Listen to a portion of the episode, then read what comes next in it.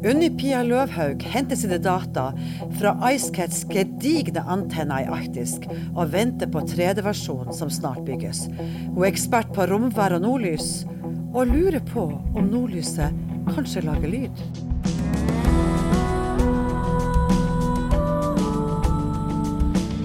Observatoriet. En forskningspodkast fra UiT Norges arktiske universitet.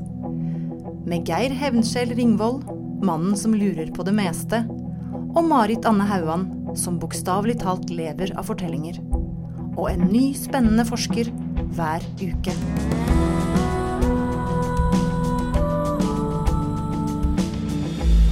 Velkommen, professor Unni Pia Løvhaug. Takk skal du ha.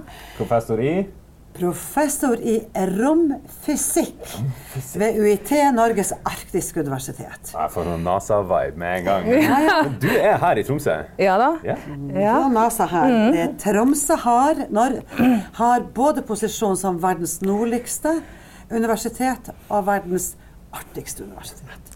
Og da har vi alle de fagene vi behøver for å forstå nordområdene. Nå er det sånn at vi feirer, vi er ganske høy på at vi feirer 50-årsjubileum i år. Ja. Men Unni Pia, er romfysikken i Tromsø bare 50 år? Nei, den er ikke det. Den er mye eldre enn som så. Um, Det var jo Altså, Tromsø har ei, ei, ei, lang historie. Eh, Men selve nordlysforskninga som sådan, den starta vel egentlig eh, på observatoriet på Halde. Som da ble starta utenfor Alta. Ah. Eller i Alta.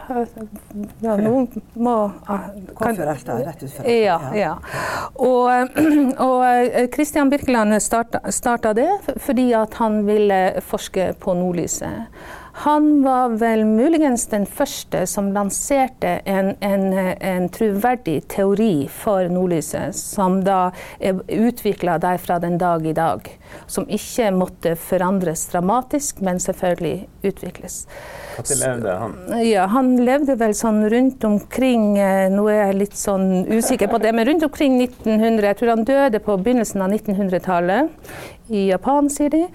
Og eh, observatoriet eh, med Halde var bygd på slutten av 1800-tallet. Og overtatt av eh, hans hva skal jeg si, stipendiater eller forskere i den tid. Og, de, og, og så oppdaga de etter hvert da at at de- ville flytte, flytte observatoriet til Tromsø. Og det gjorde de.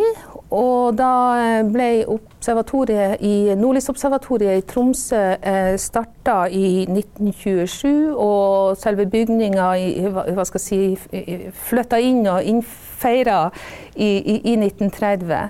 Eh, og siden den gang så har jo da Nordlysobservatoriet hatt eh, hva skal jeg si, eh, en aktiv nordlysforskning. Det har vært bestyrere der, og det, man kan Altså, det fins jo de gamle instrumentene som de brukte, det er jo veldig spennende. Og, og de forska da på nordlyset helt fram til at nordlyset, observatoriet, vi liker jo å tro at det var en av eh, hjørnesteinene som universitetet ble bygd på i, i, i sin tid. Sånn at vi eh, har en lengre historie enn universitetet, men vi er veldig stolt av å være en del av universitetet og faktisk kunne bidra med såpass mye fag så tidlig. Som, eh, ja. Du kan si at Hjørnesteinene til universitetet var jo både Meteorologisk institutt og Tromsø museum og Nordisk observatorium, som alle drev med forskning. ja. Men som alle sammen nå i dag er Eller de to meteorologene er jo for seg sjøl, men de to andre institusjonene er en del av virksomheten. Jeg sa at du var romfysiker. Det er, jo, det, det er jo ikke arkitektur vi snakker om her. Er- og vi, snakker, vi snakker ikke om det nære rommet. Hvor, hvor, hvor henne er det i rommet at du har ditt Ja. felt. Du sa det at vi, vi snakker ikke om det nære rommet, men vi liker å kalle det Vi snakker om vårt nære verdensrom. Eh, sånn at eh, hvis, hvis man tenker seg et system da, eh, eh, som er kontrollert av sola, Og så vet vi jo at eh, sola, vi har sola der, og så har vi flere planeter, deriblant jorda. Og alt dette henger, henger sammen i et fysisk system. Og dette systemet er da eh, som vi forsker på i, i Tromsø. Eh, hvis du uh, går litt lenger ut, og det hender jo at noen tar en avstikker der, så, så kalles det astrofysikk. Og, og, og, så det blir litt sånn en annen, annen benevnelse da på, på, på titlene våre. Mm. ja, ja. Så lenge som vi har hatt forskning på nordlyset. Nordlysobservatoriet er jo et nydelig navn. Ja. Eh, og vi må minne om at denne podkasten heter Observatoriet. Og det er ikke helt tilfeldig at vi bruker et sånt begrep. For det handler jo om å observere og lære av det man ser rundt seg, med nøye, nøye betraktninger, som man kan si forskninga er. Vi har holdt på med nordlysforskning i Tromsø og i Nord-Norge i snart 100 år. Vet vi, vet vi det vi trenger å vite om nordlyset? Um, nei, vi gjør ikke det.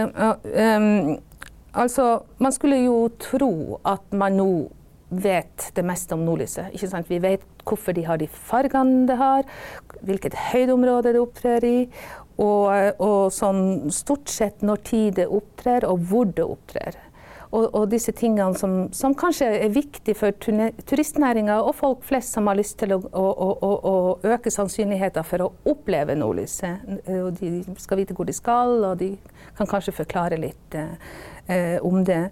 Eh, du, vent litt før du går videre. Jeg, ja. jeg vet ikke hvorfor nordlyset har de fargene de har. Jeg bare tenkte at uh, Vår Herre har gitt en palett. hvorfor har nordlyset de fargene? Ja, så Det dreier seg om at hvis du Eh, hvis du eh, Hvis du nå er et, eh, et, et nydelig og fredelig oksygenatom det, ja. ja, takk. ja. Og så er du oppe i, i, i atmosfæren, og så eh, aner du fred og ingen fare.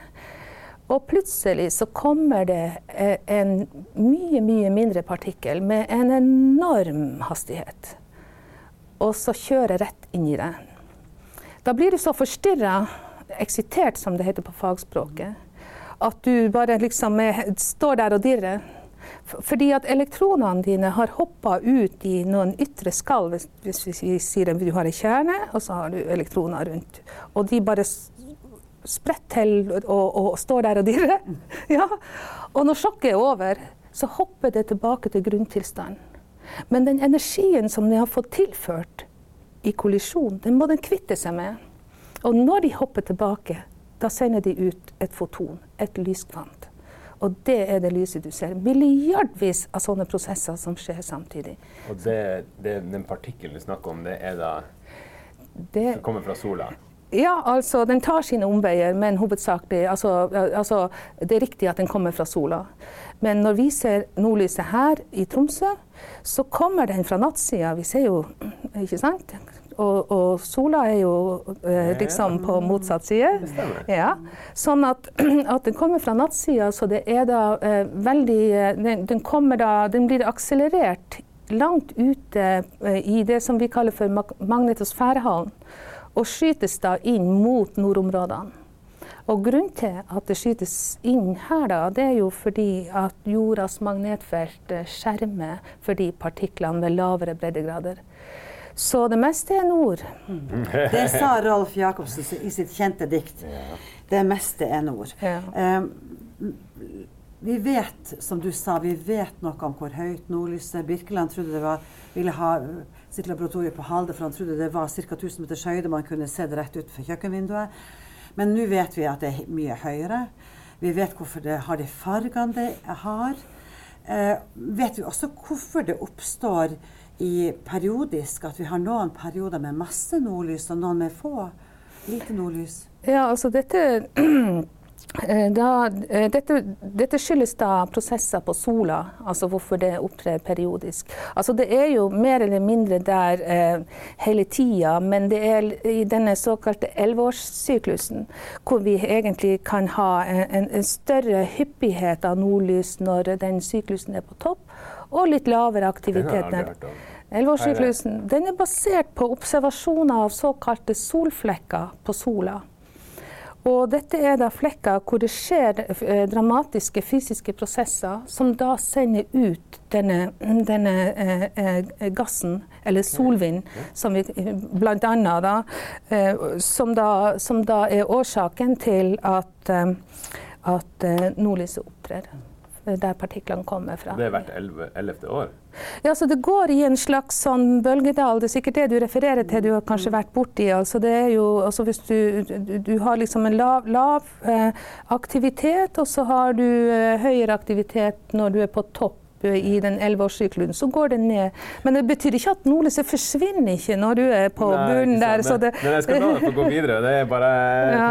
å, eh, å bare hugge tak i det, siden kan hende at det er flere som ikke eh, kjente til akkurat det. Ja, og det er veldig viktig, Geir. Du skal bare, du skal bare uh, uh, ta tak i disse tingene du, du uh, kjenner at du vil vite mer om. fordi at når det er veldig kraftig nordlys, så har vi jo hørt at det påvirker omgivelsene. Altså det påvirker navigasjon og kanskje vi får Altså det har noe med været å gjøre. Mm. Og du har jo lansert for oss et begrep de, gjennom de forskning, sikkert mange andre, men vi har lært det gjennom de forskning.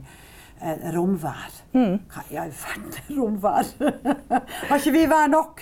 ja, det, ja, det, kan du si. Altså, vi har jo, vi har jo eh, atmosfære og det som vi kaller for ionosfære, som er den lada delen av atmosfæren. Altså det, det, har vi jo også i hva skal jeg si, nordlyshøyde. La oss si 100-120 km høyde og oppover.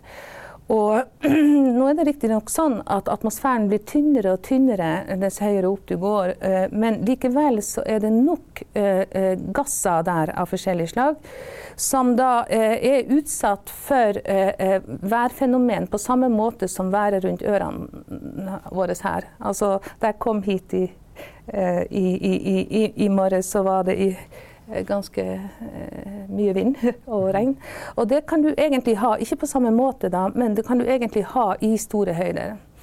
Og da, og da er det slik at eh, eh, hvis du har sterk vind og, og, og mye regn da, i en, en slags betydning, da, altså, altså partikkelnedbør, så skaper dette eh, eh, stor dramatikk i været der oppe. Og så kan du si ja, øh, hvorfor skal vi bry oss, liksom?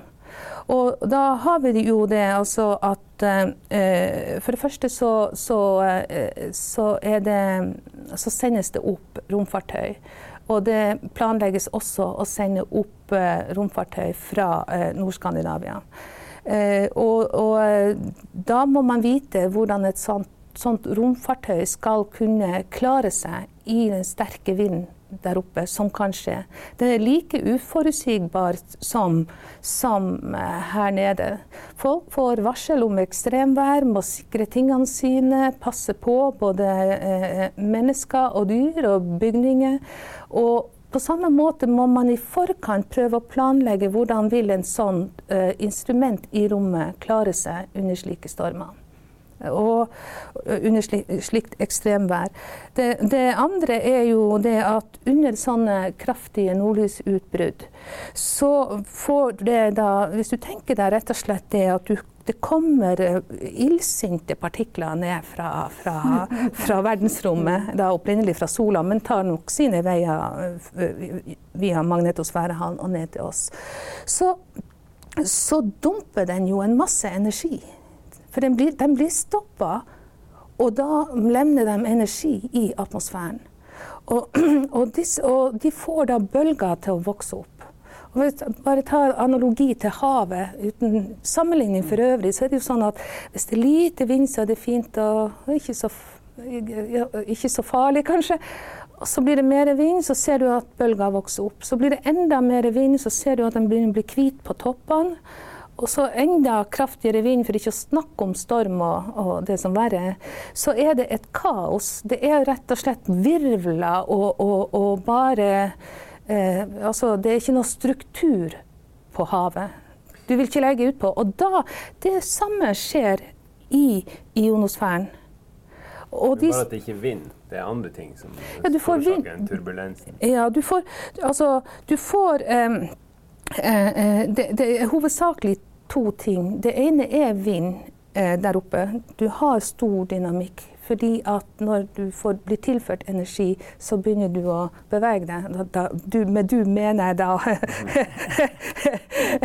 en pakke med gass som da flytter seg. ikke sant? Du dytter på, og det blir vind. Absolutt. Men så har du dette med de som, som da Altså nordlysets effekt på, på atmosfæren. Og da har du nettopp det at det dumper energi, en, enorme mengder energi, i atmosfæren. I disse høydene. Og, og, da er, og, da får de disse bølgene, da, og vi kaller dem for plasmabølger. Og de er da i den ioniserte delen av gassen. Så, og da vokser de opp. De vokser opp og vokser opp og kan bli og, altså, gå ustabil, som, kan, uh, som, som, man kanskje skal bruke. Instabil, som vi sier. Uh, ja.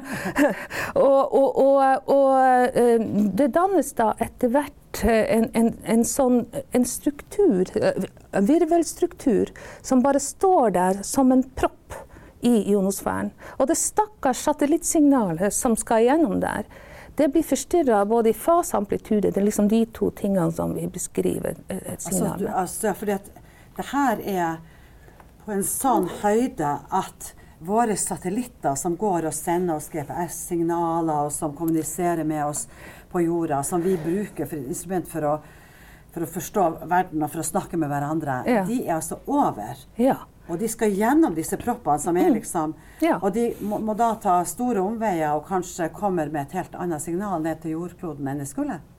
Altså det de gjør, det nå, nå, nå kan, kan, du si eh, for det, Jeg er i ferd med å ramle av, men, men stemmer den forenklinga til Marit? Ikke at de tar omveier, de, men ellers så stemmer det, ja. ja, ja. men da får du lov til å ja. Nei, altså de, de, de må jo uh, Men der Du må kanskje spørre GPS og, og satellittfolk. Men altså det de, det de må gjøre, det, det, er jo da å, å ha flere satellitter. Slik at hvis én skulle ha det problemet, så vil de andre kunne, eh, kunne ta seg av jobben på, som, de, som, den skal. Men det er ikke tvil om at det er et problem i nordområdene. Fordi at eh, denne type ting har ikke vært så ut utbygd i nord, men kommer mer og mer. Og det kommer jo mer og mer aktivitet i nord, også pga.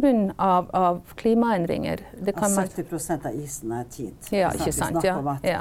Områdene blir åpne, og mm. veien til nordvest- og nordøstpassasjen er tilgjengelig. Og det mm. var det jo ikke for få år siden. Ja. ja. Men du, Også, eh, og, og, og da, da, tenker du på sånn skipsnavigasjon og sånt, at ja, det kan ja, forstyrres? Ja, så, så, folk som sitter nå og er urolig for om pizzabudet finner frem med GPS-en sin, eller om Tinder fungerer, den uh, sjekkeappen uh, som, som, den skal, det, da er det litt sånn her Det er ikke sikkert at det har så mye å det går så mye utover det? Nei, altså det, det, det er jo klart at de har antagelig større hva skal jeg si, utbygd systemet med flere satellitter ved lavere breddegrader. Mm. Men altså navigasjon og posisjonering eh, eh, er, er, jo mer og mer viktig i nord. Eh, så, eh, så, og nordlyset er jo en del av eh, hva skal jeg si, Arktis. da. Tenk å bli nordlysfast. Det tror jeg må være premiere. Men det her, det her, ligner jo på meteorologi. Ja. Værvarsel på ja. høyt nivå. Altså både fysisk og ja. ja, jeg liker den sammenligninga der. Og i, i, i, bunn og grunn er det jo det i en viss forstand. Fordi at vi er jo begge interessert i OK, på bakgrunn av alle de målingene og observasjonene vi har gjort, kan vi da eh, levere et produkt, for å si det sånn, som forteller folk hvordan været vil bli eh, om, ja, om, en time, i morgen eller om ei uke, og helst lenger. Sånn at folk kan planlegge sine aktiviteter. Når det gjelder vår eh, aktivitet, så er det jo det samme eh, eh, hva skal si, målsetninga i den forstand at vi vil gjerne være med på å kunne levere en forståelse og et produkt i en, i en viss forstand, da, eh, som da kan være med på å forutsi hvordan romværet vil bli eh, i, eh, i, i, ja, om en time, om, om, en dag, om en uke eller noe sånt. Sånn at, at romvirksomheten kan planlegges deretter. Vet du, det her er jo, det her er jo en sånn, et sånt område som veldig få av oss har tilgang til. Men mange har jo hørt om IceCat. Ja. IceCat har jo store sånne anabole, parabole, parabo, anabole paraboleantenner. De er kjempemye større enn alle de andre antennene. Du ser Mari på meg som om jeg ikke aner hva IceCat er. Og det er helt rett. Men du aner ikke hvor stor den er. og det er jo et veldig sofistikert system. Humanister som meg, vi kan jo bruke penn og, og papir for å Og du hadde ikke tenkt å fortelle hva det var? Nei, vent litt. Rene, okay, for, ja. for, for å gjøre vår forskning. Men dere har en milliardsatsing på gang. Ja. Eh, og da kommer vi opp i en ny dimensjon på det IceCat har. Kan du fortelle oss litt om det?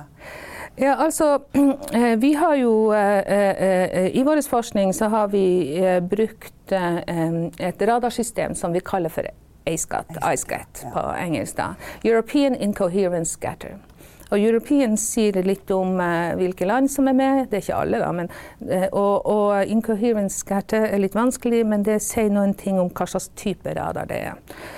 Og så, Dette har da vært eh, et, et, et samarbeid mellom flere europeiske eh, nasjoner, og også nå Japan og Kina. Og, og vi har brukt dette instrumentet da for å, for å eh, utforske vårt nære verdensrom. Og nordlyset eh, inkludert, selvfølgelig. Og så er det sånn at eh, Jeg vet ikke eh, om, om noen av dere har, eh, noen gang har følt behov for å få nye briller, ikke sant? Du ser liksom ikke Det er på tide at nå får du deg nye, ikke sant? Eller det er folk som holder på med mikroskop. Som da eh, oppdager at eh, nå må jeg kjøpe meg et av de veldig nye, moderne eh, mikroskopene fordi at, eh, at oppløsninga er for dårlig. Jeg ser ikke strukturene godt nok. Jeg vet ikke hva som foregår innenfor det. Jeg ser bare sånn og sånn og sånn. Jeg vil vite hva som foregår inni dette her. Jeg må ha meg et nytt mikroskop. Eller nye briller. Ja. Og det, det er egentlig det samme, det, det samme her. Vi har det gamle systemet med de eh, parabolantennene som ja. Og, og, eh, og dette dreier seg da om, om, det, om rom og tidsoppløsning av de fysiske fenomenene som vi eh, studerer. Med det gamle systemet, du har denne eh, skålantenna. Og da tar det en halv time hvis du vil skifte posisjon. Så det, sånn ja, tippe sakte fra den ene eh, eh, kanten til den andre. Det er for sakte. Samtidig så når radarstrålen går ut, så er han veldig, veldig bred. Og du klarer ikke å, å, å se fenomener som er innafor der. Ikke sant? Hvis masse spennende foregår inni der, og du ser det, det, For vi ser bare gjennomsnittet av alt som er der. Og vi vil se Ja. Så rett og slett det er behov for å, å se ting i høyere oppløsning. Ja. Og da har dere eh, Da blir det et nytt anlegg, da, rett og slett. Ja. Gratulerer med det. Takk, takk. ja, det er sofistikert. Vet du, Da lurer jeg på om jeg kan fortelle deg litt av historien. Ja. I Just Kvikstads store firebindsverk 'Lappiske eventyr og sang' så er det en, en, um, et eventyr om gutten som terga sol, måne, stjerne og nordlyset. Og for hver av disse Han var ute med sin bror, storebror, og de skulle gjete reinflokken, selvfølgelig. Passe på den. Og hver gang de, han så, når han så sola, så erta han den, klarte ikke å la være. Sa spydige ting til den, og sola ordna en ordentlig, et ordentlig snøfokk, sånn at det ikke kom seg av gårde. Når han så eh, eh, månen, så var han like ille. Han var, sa ni ting, litt stygge ting. Og når han så stjerner, eh, og, og også og været forandra seg, og det ble til hinder for deres drift. Når han så stjerner, så kom han også med sånn stjernepilt, stjernedilt, blinke litt. Sånn, litt sånn spydig. Eh, Og hver gang så fikk han et negativt tilsvar, og storebror var så fortvilt. Slutt med det der. Ikke, ikke hold på sånn. Dette kommer til å bli farlig for oss. Ikke sant? For dette hindrer dem i å ferdes fritt og godt på sikkert og pålitelig på vidda. Så viste nordlyset seg. Og da um, sa han så han opp. ikke sant? Han hadde, uh, Stjerne hadde drept reinen hans. Det var så ille, skjedde, var reaksjonen på ertinga av Stjerne. Men da nordlyset kom, så sa han nordlyset renner, lipp, lipp, lipp. Fleske i kjeften, lipp, lipp, lipp. Hammer i skolten, lipp, lipp, lipp. Øks på ryggen, lipp, lipp, lipp. Og da kraup storebroren hans under sin egen pulk, mens nordlyset kom rett ned, slo ned i den unge gutten som hadde drevet med denne øninga, og drepte han. I ettertid fant man ikke engang en koftebit igjen. Han var helt borte. Nordlys hadde brent han opp. Mange sier at dette her er en fortelling som viser at uh, man hadde respekt for været og respekt for himmellegemene, som vi sier i mitt fagområde, folkloristikk. Men uh, for veldig mange andre så minner det oss på at nordlyset har en lyd. Lipp, lipp, At det er en lyd. Og faktisk så har jeg hørt eh, folk joike den lyden. Ja. Eh, kan nordlys ha en lyd? Vet du, jeg tror det. Jeg tror det.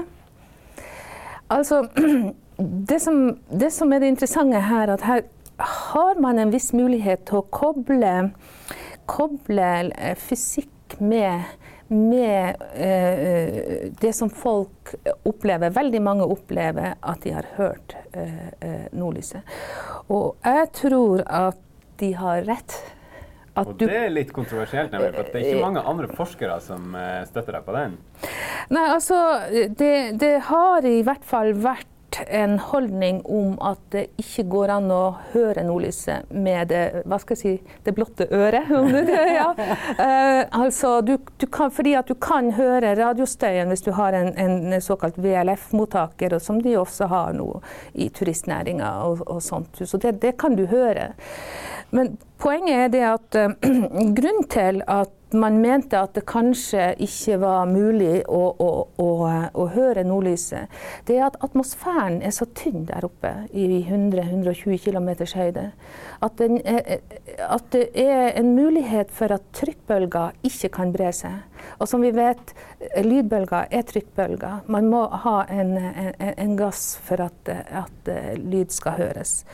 Det er det ene. Og det andre er at, så, sånn at du var usikker på om lyd kunne genereres der oppe.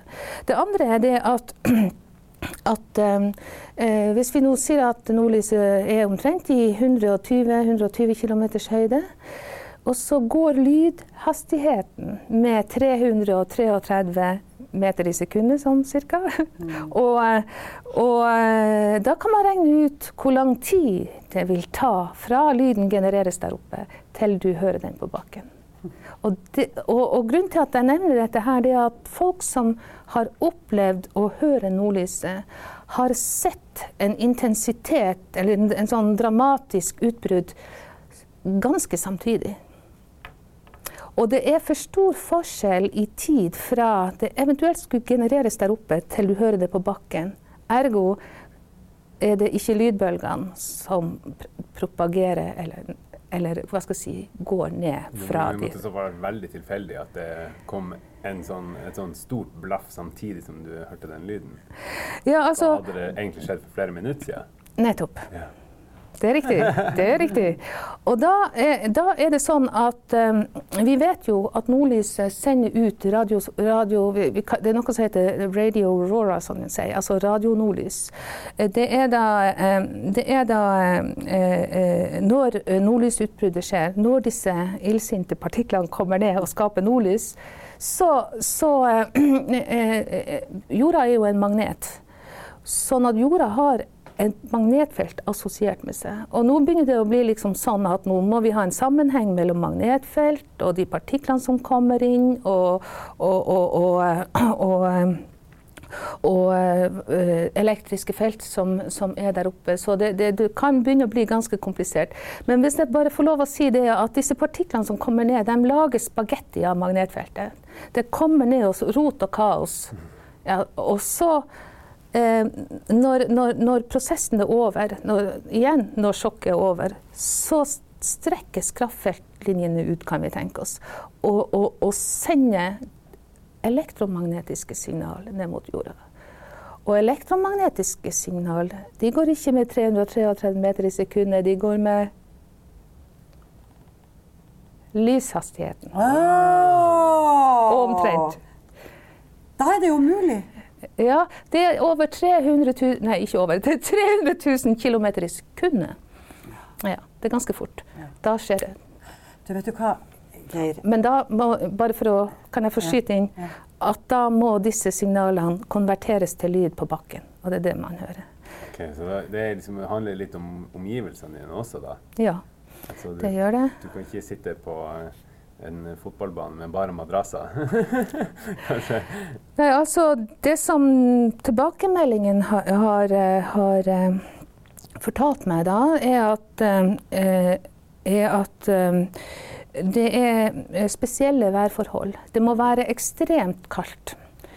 Eh, og det er interessant. Altså atmosfæretemperaturen eh, må, har noe å si eh, for, for at de hører det.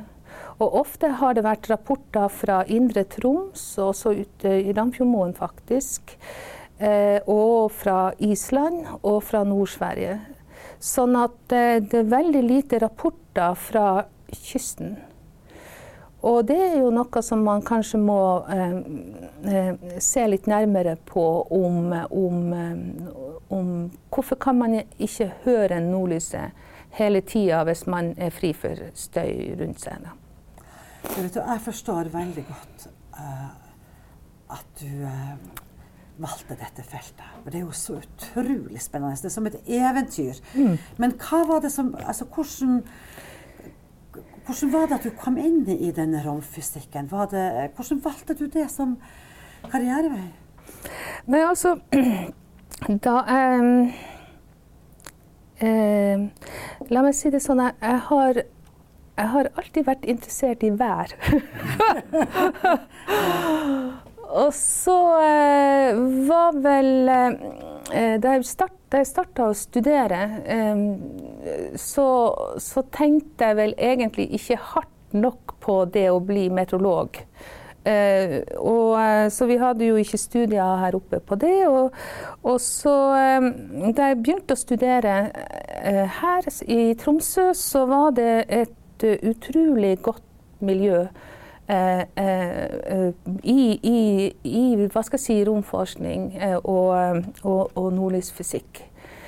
Og da var det bare Ja, da var det bestemt. Ja. Mm, for en herlig vei inn. Unni Pia Løvaug, tusen takk for praten. Sjøl takk. Det var veldig hyggelig å være her.